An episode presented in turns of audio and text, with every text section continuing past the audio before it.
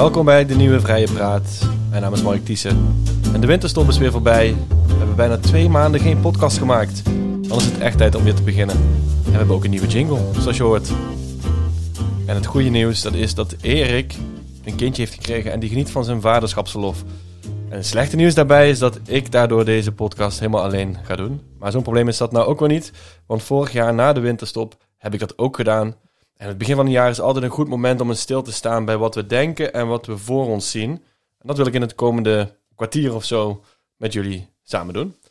Uh, laat ik eerst even stilstaan bij waarom we begonnen zijn met Nieuwe Vrije Eeuw. Dat deed ik vorig jaar ook. Even incheck bij de missie en de zoektocht. En die is nog onveranderd. We leven in een vrije wereld, maar we zien dat die vrijheid de komende decennia zwaar onder druk kan komen te staan. En wat moeten we snappen?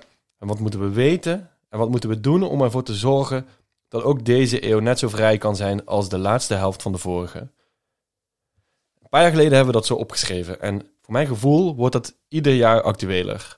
Uh, er liggen veel gevaren op de loer voor vrijheid en die gevaren die schetsen we al vaak in onze artikelen en onze podcast. En ik zet er even een paar bereidje.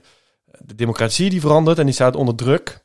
We leven in een tijd van existentiële dreigingen. Daar hebben we het afgelopen jaar ook een aantal podcasts aan besteed. Er is oorlog op ons continent, dat hebben jullie vast ook opgemerkt. Liberalisme dat verliest aan aantrekkingskracht en dat is in mijn ogen een gevaar.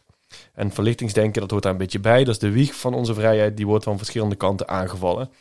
En tot slot, steeds belangrijker, een gevaar waarvan we inmiddels de contouren kunnen zien verschijnen.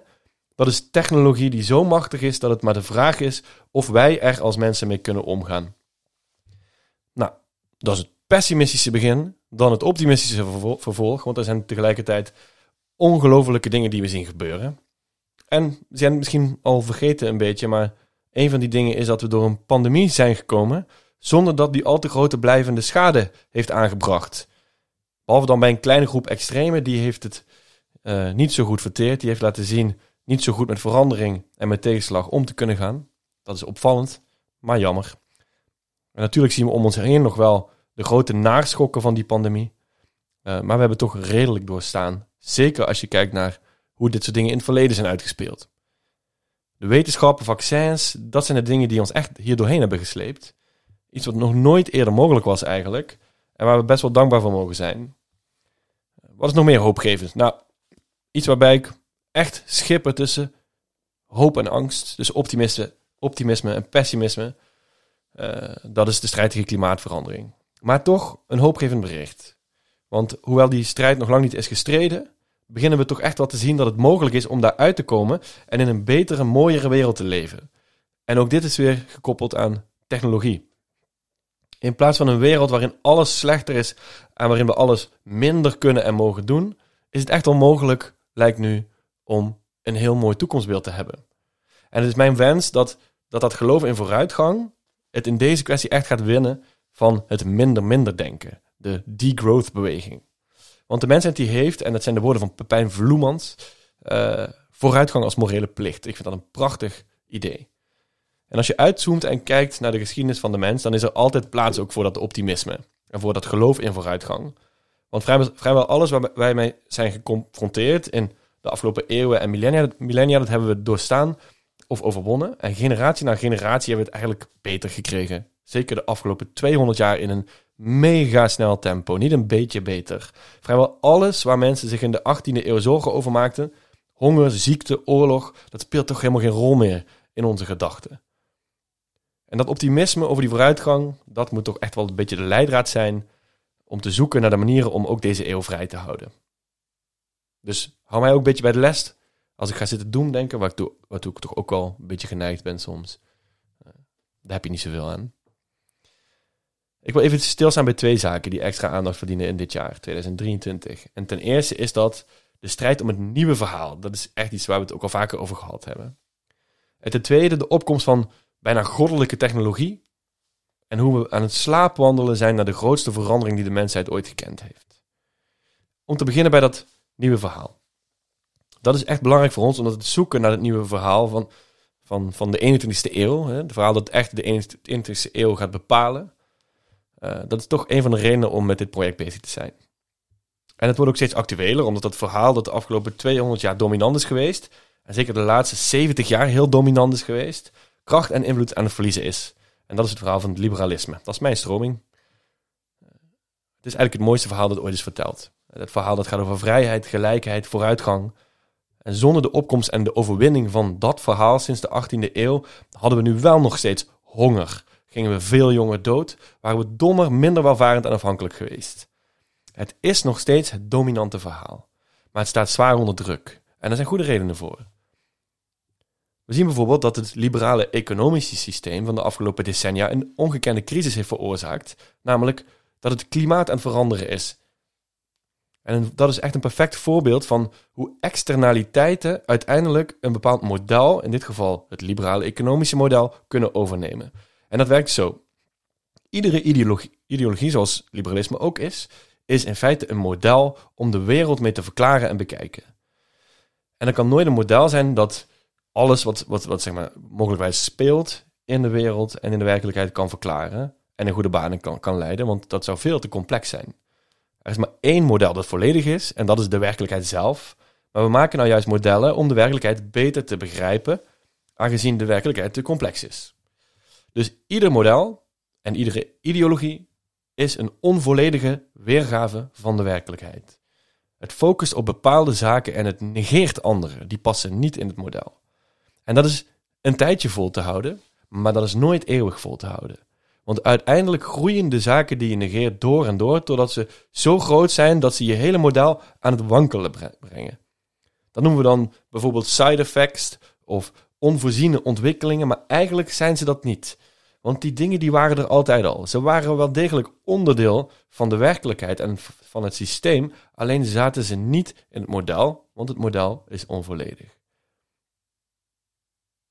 En precies dit, dat overnemen van een onvolledig model door dingen die er niet goed genoeg in zaten, dat is wat er gebeurd is en nog steeds gebeurt met onze liberale economieën en klimaatverandering.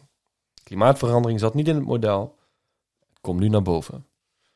Een dogmatische focus op bepaalde onderdelen van het model is een grote fout en een grote zwakte gebleken. En we zijn eigenlijk niet op tijd geweest om dat in te zien. We wisten het wel, maar we hebben er niet naar gehandeld. Niet genoeg. Dan kom je op het punt dat het zo erg wordt dat je je model eigenlijk moet gaan aanpassen aan de nieuwe werkelijkheid. Om niet meteen het, het hele model te verliezen. Om het systeem niet kapot te laten gaan. Maar dat is eigenlijk niet genoeg. Niet alleen dat is een probleem. Er is nog een ander, laten we zeggen, modelfout in het liberalisme. En dat is het idee dat mensen rationeel handelende wezens zijn. En dat de grote som van beslissingen die deze groep rationeel handelende wezens neemt, altijd de beste uitkomst zal opleveren. Dat is het verhaal wat we heel lang verteld hebben. Liberalisme is niet alleen het beste, het, eh, of het meest wenselijke, maar ook het beste systeem. De beste uitkomsten oplevert. Maar dat uitgangspunt van die rationeel handelende mensen en de optelsom van hun gedrag, dat klopt helemaal niet. Mensen zijn helemaal geen rationeel handelende wezens. En daarover leren we steeds meer. Ze worden gestuurd door automatische handelingen. Zowel ik als jij. Over 98% van je gedachten en acties heb je eigenlijk geen bewuste controle. 98%. Dus het liberale beeld van de mens, dat klopt niet. En dat beeld is nou juist de kern van de liberale leer. Want daarop is het geloof en de wenselijkheid van vrijheid gebaseerd. Dan ga je nog dieper de moderne wetenschap en filosofie in. Dan komen er voor het liberalisme best wel wezenlijke en ook wel potentieel desastreuze vragen aan de oppervlakte. Zoals, hebben mensen überhaupt al een vrije wil? Als ze zoveel beslissingen automatisch nemen. Heeft ons bewustzijn, onze gedachtenstroom, eigenlijk wel een functie? Of is het een bijproduct van iets? Die discussie over hoe vrij en bewust en autonoom een mens eigenlijk is, dat is nog lang niet ten einde. Maar hou die discussie goed in de gaten. Want die gaat heel veel bepalen van de invloed over hoe wij de wereld zien. Maar ook hoe wij vrijheid zien. Want als een mens geen vrije wil heeft, waarom heeft een mens dan vrijheid nodig? Dit zijn allemaal hele belangrijke zaken die het nog belangrijker maken om het liberale verhaal een update te geven. Want liberalen, eigenlijk misschien mensen in het Westen in de 21ste eeuw, zijn lui en zelfgenoegzaam geworden.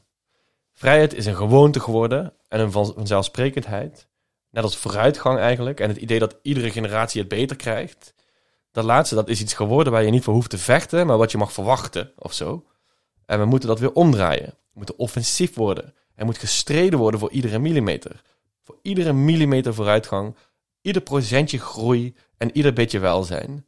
Dat is helemaal niet iets dat je in je schoot moet laten werpen. Of waarvan je moet denken dat het je toekomt.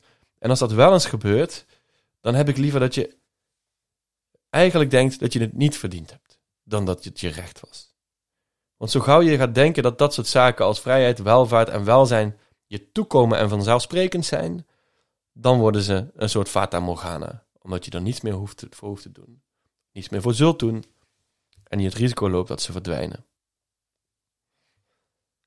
Moet liberalisme ook een beetje los gaan zien van economische voorspoed. Het kan een gevolg zijn, en dat is het dus ook. Maar het is niet de reden van het bestaan van het liberalisme. En we hebben ons daar nog wel eens mee verwacht.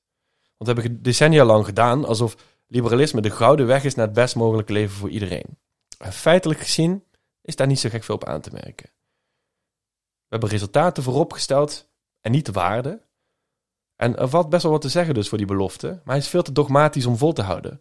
Want er komt echt wel een keer bewijs op tafel, en dat ligt er inmiddels ook, dat die belofte simpelweg niet klopt.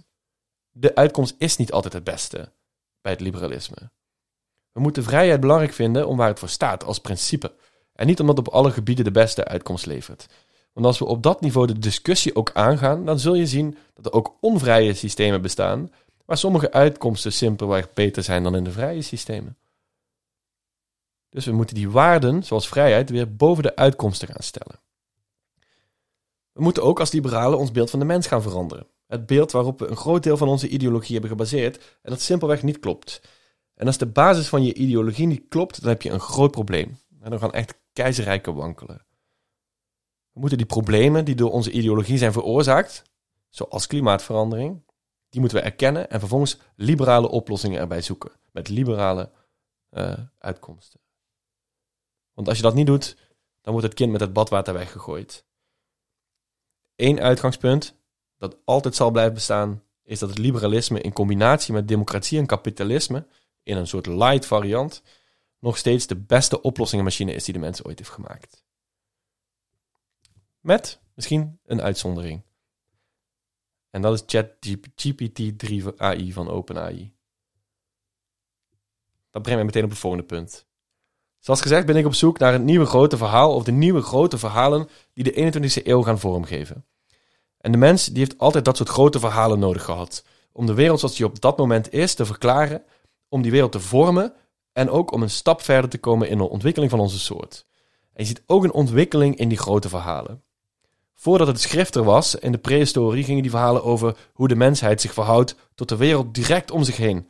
Dat waren bijvoorbeeld natuurreligies. Daarna hoe de mensheid zich verhoudt tot de goden. Toen kreeg je de grote religieuze systemen. En toen vanaf de 18e en 19e eeuw gaan de verhalen steeds meer over hoe het individu zich verhoudt tot het collectief. Je kreeg het vroege liberalisme, communisme, nationalisme. En de laatste decennia gaat het steeds meer over het individu zelf. Iedereen heeft zijn eigen grote verhaal en dat gaat heel vaak over de persoon zelf. Het is het verhaal van het individualisme dat heel veel mensen misschien onbewust tot de verklarende factor van alles hebben gemaakt. Dat is een beetje de ontwikkeling van die grote verhalen. En een volgende ontwikkeling zal dus anders zijn. Er zijn veel mensen, en ik heb dat ook een tijdje gedacht, die geloven dat het nieuwe grote verhaal teruggaat naar de verhouding mens en natuur. Maar dan op een andere manier. Door onze enorme invloed op onze wereld, op ecosysteem en klimaat, moet het nieuwe verhaal wel gaan over hoe we onze toegenomen macht in balans kunnen brengen met de wereld waarin we leven. Dus eigenlijk krijg je een soort uh, grote verhaal à la de natuurreligies, maar dan gemoderniseerd. Maar ik denk steeds meer dat het een andere richting op gaat. En het nieuwe verhaal dat zal gaan over de verhouding tussen mens en technologie. Omdat die verhouding bepalend gaat worden voor de komende 100 jaar en misschien wel voor de komende 10, 20, 30 jaar. En we kunnen ons bijna niet voorstellen wat dat betekent. En daar gaat het bij mij een beetje wringen. Want ik heb mezelf altijd gezien als een tech-optimist. Ik ben enorm gecharmeerd van de morele plicht tot vooruitgang. En de, het, het, het, de, de macht van de mensen om eigenlijk alles op te kunnen lossen wat ze moeten oplossen. Maar die gedachten over technologie, die mogen niet langer alleen maar optimistisch zijn. Ze moeten vooral niet lichtzinnig meer zijn. Want we mogen niet langer naïef zijn over technologie. De discussie over wat technologie met ons en onze wereld gaat doen in de toekomst, die moet een wezenlijk onderdeel worden van alle debatten die we voeren. Om één simpele reden. Technologie nu, en zeker technologie over een paar decennia, is zo sterk en zo krachtig en machtig dat alles met een knip van de vinger veranderd kan zijn. Zo machtig dat onze systemen zoals die er nu zijn er eigenlijk niet bestand tegen zullen zijn. Wij gaan hele machtige technologieën krijgen, die ons de baas kunnen zijn in plaats van dat wij hen de baas kunnen zijn. Technologie gaat onze systemen onherkenbaar veranderen en dat gaat in een hele korte tijd gebeuren. En het is vrij recent al een keer gebeurd. Met sociale media en ons democratische systeem. En dat was in, op het eerste gezicht onschuldige technologie. Een paar like-knoppen, je kon berichten delen, mensen in staat stelt om, met zich, uh, om, om zich met elkaar te verbinden. En toen Twitter en Facebook zo, wat is het, 15 jaar geleden opkwamen, juichten we over de positieve effecten op onze democratie. Want eindelijk konden kiezers direct contact hebben met hun vertegenwoordigers. En de negatieve effecten die we nu zien, scoringsdrang, polarisatie, desinformatie, die werden eigenlijk veel te laat pas erkend. En het systeem is aan het wankelen gebracht. Het staat nog steeds, maar het is veranderd. En niet ten goede. En de echte vraag die kwam pas achteraf. Veel langer na de introductie van die technologie. Veel langer na het optimisme. Waren mensen er wel op toegerust om met deze op het oog simpele add-on om te gaan? En was die democratie er wel voldoende op voorbereid? Waren onze systemen er wel op voorbereid? En het antwoord op al die vragen is nee. En als de mens en de democratie al zo slecht bestand bleken tegen de introductie van sociale media, nou dan kunnen we bij de introductie van AI, superintelligente AI, echt onze borst nat maken. Dus we moeten ons nu al die vraag stellen. Is de mens en de democratie hier wel op toegerust? En het probleem dat is echt die lichtzinnigheid waarmee we kijken naar de opkomst van AI. Want die chatbot, ChatGPT, die toont ons een soort spiegeltjes en kraaltjes. En het zijn die spiegeltjes en kraaltjes waar wij op reageren. We nemen ze bewonderend aan, maar we zijn ons helemaal niet bewust van de grote prijs die we hier op termijn mogelijk voor moeten gaan betalen. De vragen die we ons stellen over zo'n ChatGPT, die gaan over het hier en het nu en het dichtbij en over jezelf. Wiens baan wordt vervangen? Wat als leerlingen hun huiswerk niet zelf doen? Maar de echte vraag is zoveel groter. Zijn onze systemen, zoals de democratie, er eigenlijk wel tegen bestand? En het is vrij simpel te bedenken wat het met onze democratie kan doen. Waarom eigenlijk nog zelf kamerlid, eh, kamerwerk doen als je Kamerlid bent, terwijl je gewoon alles door AI kan laten doen? Er, er is al een motie geschreven door ChatGPT. Dat gaat daar niet stoppen. En waarom nog stemmen op een mens als je op een veel slimmere en rationelere AI kan stemmen? En waarom niet eindelijk weer terug naar het Atheense model, waarbij de agora terugkomt, met voor iedereen een gepersonaliseerde AI met al onze eigen voorkeuren erin? Het is directe democratie op 21e eeuwse wijze. 13 miljoen kiesgerechtigde AI's die het gewoon lekker uitzoeken met elkaar. En wij hoeven nooit meer zelf met uh, politiek bezig te zijn. Dat zijn allemaal reële mogelijkheden. Het gaat veel verder dan de democratie. Nog een reële mogelijkheid. Over 20 jaar is het bedrijf met de beste general AI ter wereld vele malen machtiger dan welke overheid of staat dan ook. Je moet je proberen voor te stellen wat er gebeurt als er zogenaamde Artificial General Intelligence komt, die in alles beter is dan mensen. AI is, en dit is de definitie van Wikipedia natuurlijk, uh, General AI is een AI die de capaciteit heeft om elke intellectuele taak die een mens kan uitvoeren te begrijpen of te leren. Nu is dat nog niet zo. ChatGPT is beperkt in mogelijkheden. Eigenlijk is het een hele slimme chatbot. Er zijn ook AI's die heel goed zijn in één ding. Ze kunnen van je winnen met schaken. Ze kunnen één bepaald soort probleem voor je oplossen. Ze zijn allemaal in doelen en mogelijkheden beperkt. Maar dat gaat veranderen. Er komen AI's die in alles beter zijn dan mensen. De vraag is niet of, maar wanneer en hoe snel dat gebeurt. En die worden niet 2% beter dan mensen. Die worden onvoorstelbaar beter dan mensen. En dan gaan ontwikkelingen zo snel, dan is het een kwestie van uren voordat de problemen opgelost gaan worden die mensen al eeuwen proberen op te lossen. Of problemen waarvan we het bestaan überhaupt niet eens wisten. En dat kan ik als tech-optimist brengen. Want dat is natuurlijk eigenlijk prachtig. Maar dat zijn enorme gevaren voor onze vrijheid. Als we de aandacht niet eraan besteden hoe we deze nieuwe technologieën in goede banen gaan leiden. Als we dat niet goed doen, dan zijn er eigenlijk maar drie scenario's mogelijk. Een dystopie met technologie in handen van slechts enkele. En dan krijg je de existentiële scenario's, waarbij de mens met de ondergang bedreigd wordt. Niet mijn meest voor de hand liggende. Je moet hierbij denken aan de, aan de, uh, uh, de, de Terminator-achtige scenario's. En dan een soort nieuwe mens. Die het wel aan kan. En die zichzelf beter heeft gemaakt door de evolutie een handje te helpen. Ik hoop dat het dan die laatste wordt. Als het echt moet. En dat daaraan gewerkt gaat worden, dat is vrijwel onvermijdelijk. Eigenlijk gebeurt dat nu al. Er kunnen nieuwe mensen ontstaan, geholpen door technologie. Of die zelfs biologisch anders zijn dan wij nu. En die zijn dan beter in staat om om te gaan met de wereld die hun voorgangers gecreëerd hebben. Dit gaat zich echt uitspelen in decennia, misschien wel sneller. Dus er is best wel wat te doen, er is werk aan de winkel. En er staat ons wat te doen als wij vrij en autonoom willen blijven. Dat is voor mij het verhaal van de komende tijd en ook de grote vraag van de komende tijd. En het lijkt best wel veel op een van de mooiste quotes die ik ken, uh, die gedaan is door Amerikaanse bioloog Edward Wilson. En wat hij het grote probleem van de moderne mens noemt. Hij zegt, we hebben nog steeds de breinen van holbewoners en we hebben middeleeuwse instituties, maar inmiddels wel de technologie van goden. En dat is een levensgevaarlijke combinatie. Hoe stemmen we de komst van superintelligente technologie op onze ouderwetse prehistorische breinen en middeleeuwse systemen af? En we mogen geen dag meer verloren laten gaan, volgens mij, met nadenken over hoe we dat een goede banen kunnen leiden. Over wat we ten alle tijden willen behouden en schermen, beschermen. We moeten goed gaan nadenken over wat de beschermen waard is. En over wat deze uitdagingen allemaal daarmee kunnen gaan doen. En dat is ook wat wij gaan doen bij de Nieuwe Vrije Eeuw en de Nieuwe Vrije Praat. Dat is waar wij het over gaan hebben. En ik hoop dat jullie daar eh, de komende twaalf maanden net zoveel bij zullen zijn als de afgelopen.